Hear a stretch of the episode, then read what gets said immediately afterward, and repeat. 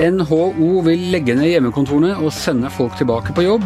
Og Vikingskipet ved Halden skal graves ut og plasseres på Cayman Island-øyene. Dette er Giæver og gjengen, og det er eh, tirsdag den 12. mai.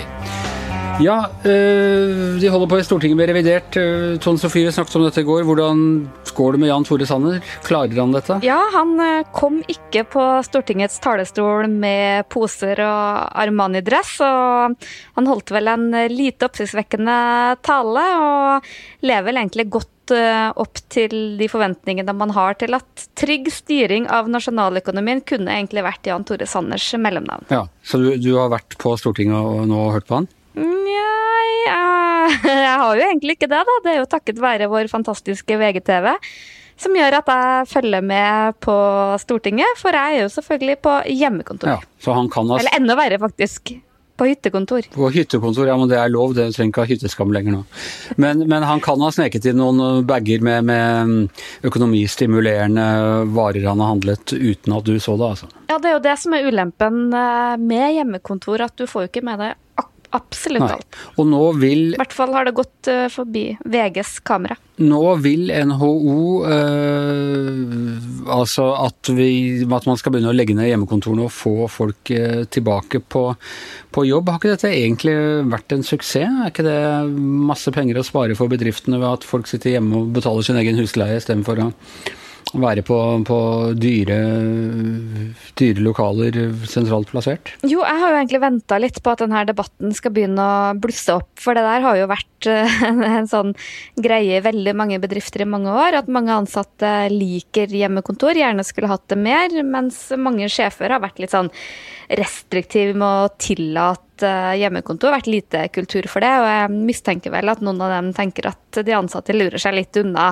Så det har liksom vært en litt sånn konflikt eh, en del steder, tror jeg. Og så ble jo plutselig hele landet sendt på hjemmekontor om man ville eller ei nå, uavhengig av digital kompetanse. og og den gjennomgangsmelodien har jo selvfølgelig vært at det her går overraskende bra, folk har fått det til, folk gjør jobben, men jeg tror nok nå at eh, den virkelige diskusjonen kommer om hvor bra er det nå egentlig? Er det noe vi mister på veien? Og så tror jeg nok også at det her kan endre litt på arbeidslivet. Uh, Yngve Kvistad, du har etter hva jeg bare kan bedømme fra våre digitale møter, uh, kommentaravdelingen i VGs nobleste hjemmekontor med, med Chesterfield og, og stappfulle bokhyller. Føler du at du har mista noe på veien til hjemmekontoret, eller er du fornøyd der du er? Overhodet ikke.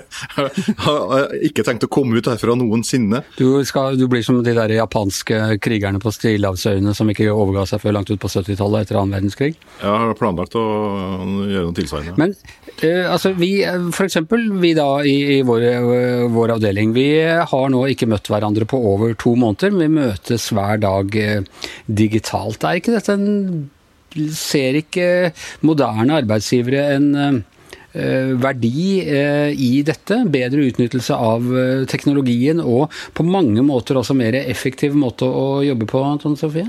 Jo, jeg tror at uh, det her er todelt. For uh, folk har jo på rekordfart lært seg digitale hjelpemidler. Vi ser jo at det er uh, effektivt på mange måter.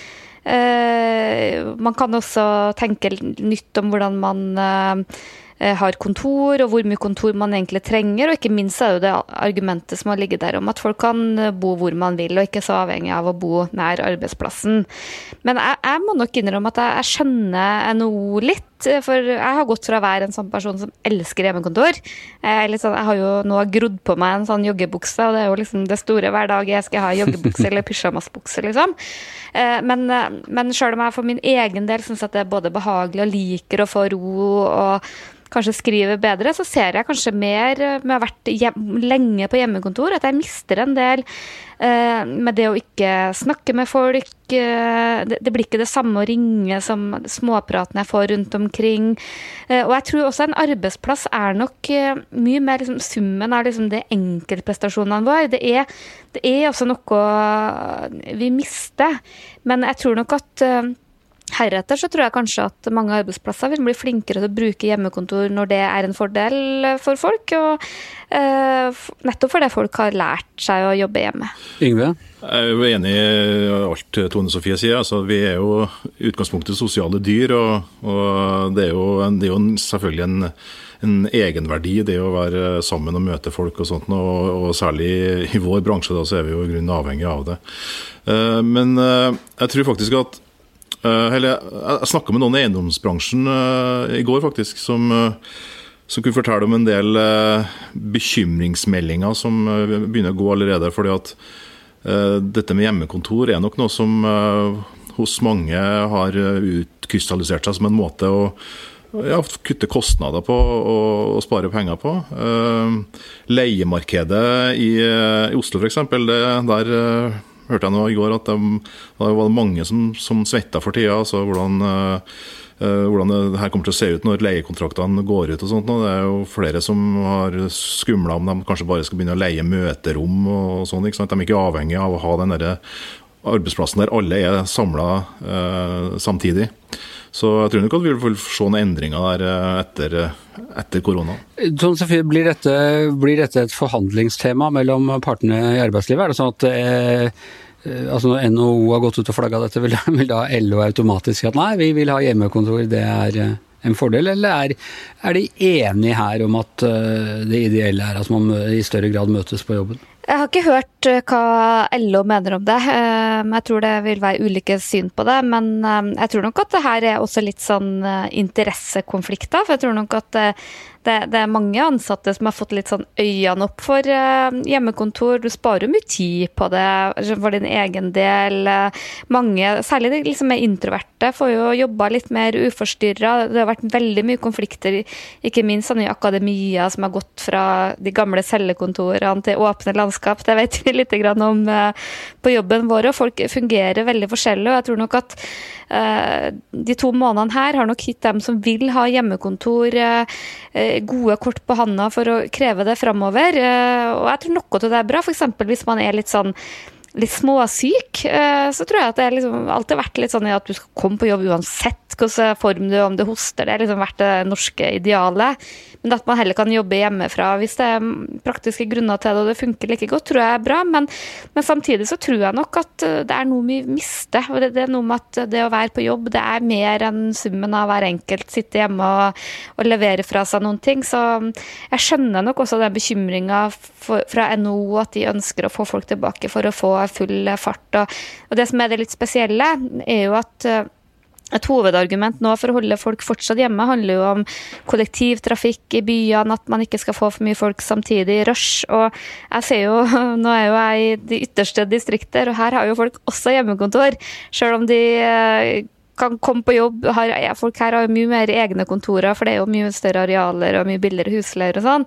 Og man kjører uansett sin egen bil, eller eh, Så det er, nok, eh, det er nok en ny vane som jeg tror mange også Så er det jo litt spesielt, for veldig mye offentlig virksomhet har jo vært mye, mye lavere aktivitet òg, så jeg tror nok at dessverre at en del har hatt det litt behagelig på hjemmekontor.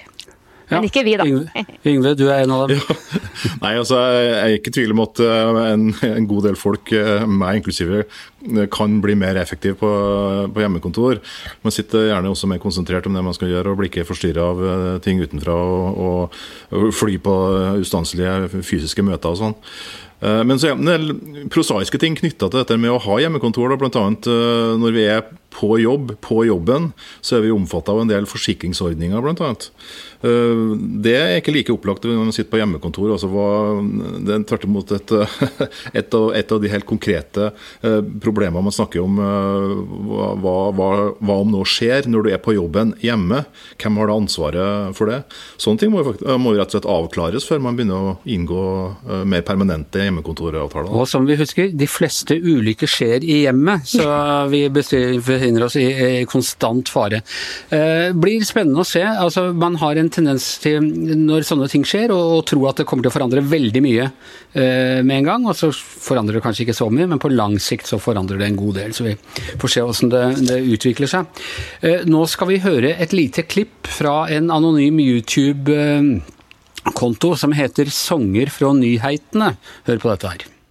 Herbjørn Hansson, skipsreder, du har mange ganger forsvart pengeplasseringer på f.eks. Caymanøyene. Hvordan er det greit at en oljefondsjef har plasseringer der, mener du? Cayman Island et ekstremt velorganisert samfunn. Skatteparadis. De er så velorganisert, så skikkelige. Mye skikkeligere enn Norge, spør du meg.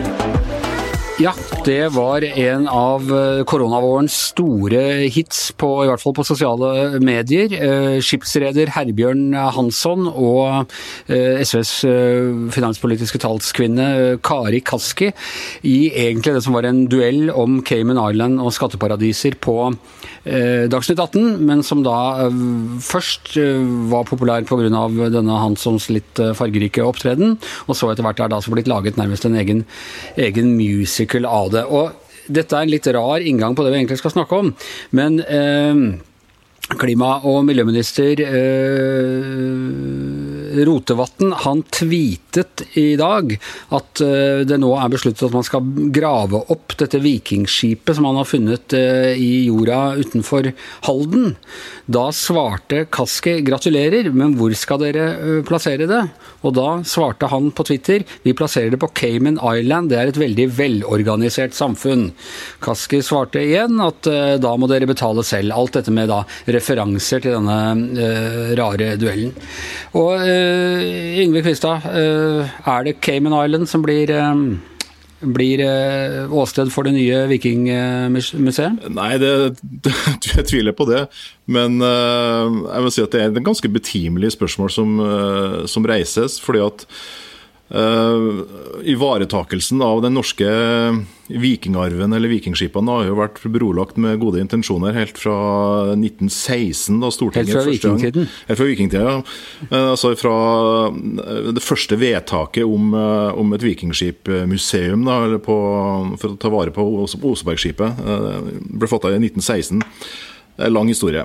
Uh, fordi at det nye skipet, hvis de lykkes da, med å grave det opp, og hvis det er noen ting som kan stilles ut, så regner jeg med at det skal ha plass da på det nye vikingskipsmuseet eh, på, på bygdet som nå skal bygges omkring Arnebergs eh, eksisterende. Eh, men det det som gjenstår å se, er jo om det følger med noe mer midler enn bare det å grave det opp. For det er klart at og, og I det øyeblikket at du får det opp av jorda, så begynner jo forråtnelsesprosessen 100 eh, Så det må til eh, konservering eh, og en, en ganske kostbar prosess. Og, og helt tatt også hvis det skal da gjenoppbygges og, og stilles ut osv. Det, det som har skjedd med Osebergskipet, Tuneskipet, Gokstadskipet, er jo at man uh, fortsatt altså De står jo som de, de ble konservert et, rundt århundreskiftet. Og Det er jo så vidt de henger sammen.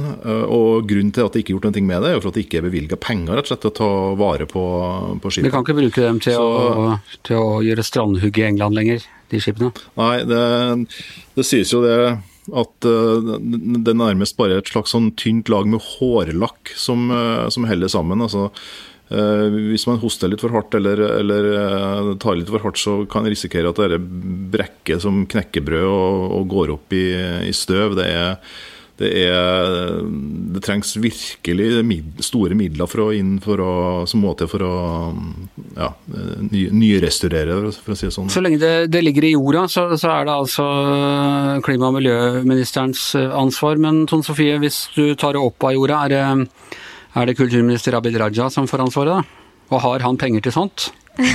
ja, det, det, var ikke akkurat rette tida å komme med nye tiltak. Eh, virker som Abid Raja har utfordringer nok med å finne penger til eh, alle de krisene som han må slukke, men det har jo vært mye eh, utfordringer knytta til de vikingskipene vi allerede har. Yngve, du har jo skrevet den eneste andre kommentaren om tilstanden der. Ja og nå, og nå er det ikke kulturministeren som har ansvaret for det heller, det er, det er forskningsministeren, kunnskapsministeren forsvarsministeren. Henrik Asheim, altså, som er vikingskipstyrer. Vikingminister. Dette ligger under uh, universitetet og, og Kulturhistorisk museum. Så, og de har jo trygla om penger i mange mange år for å komme i gang med eh, det nye bygget. da, og, og ytterligere konservering av det, det, man allerede har tatt opp. Og det, Vi skrev jo en leder om dette eh, for to år siden. Uh, nei, unnskyld. Uh, jo, da, da ble det vei i vellinga, tenker jeg. Som da, det blir når vi skriver en leder i Verdens Gang. da, da funnet ble gjort, og da var jo egentlig vår anbefaling at skipet burde bli liggende i jorda helt til at de hadde uh, ja, et sted å sette det, og ikke minst penger, avsatte penger til å konservere det. Men nå er det spora noe råte der nede, eller noe sånt, så det må opp? Ja, nå har de jo de, I det øyeblikket de begynte å grave, så slipper de til oksygen, og da begynner jo prosessen med, med altså nedbryting. Da, og nå har de oppdaga at det er noe soppdannelse der og greier sånn at uh, nå må det opp, eller det må i hvert fall avdekkes. Så, men fortsatt så vet man ikke hva som ligger der. altså Man har noen radar Eh, som, som viser en, eh, et omriss av et ganske stort eh, skip. Men man vet jo ikke hvilken tilstand det er. og, og sånn, Så, det, så det, er jo det er litt tidlig å, å juble, både på, på, både for hva man eventuelt kan finne, men også, også hva som skal skje videre. For at, uh, Har man sagt A, så må man si B, og det har ikke norske stat uh, særlig tradisjon for å gjøre. Eh, vi, nå er det bevilga penger til å grave opp skipet, men eh, det må store, en mye mye større sum til enn de 15 millionene som er nå bevilga for å kunne ta vare på dette. Man vet jo heller ikke om det hviler en forbannelse over skipet, og at man da utsetter seg for krefter man eh, rett og slett ikke har kontroll med, sånn som har vært forbindelse med, som har vært tilfellet med Tutankhamon og forskjellige kongegraver i, i utlandet. Ja, Raiders of the Lost Ark og sånn viser jo det. Ikke sant? Ikke sant? Er, man åpner ja. en Pandoras eske. Jeg sier la det skipet ligge. Uh, jeg tror det var det vi um, rakk i Giæver og gjengen i dag. Uh, vi er um, tilbake i morgen i hvert sitt studio. Uh, Yngve Kvistad, Tone Sofie Aglen, Anders Giæver og vår vikinghøvding, produsent og sammenspleiser av disse filene, Magne Antonsen. Vi høres i morgen.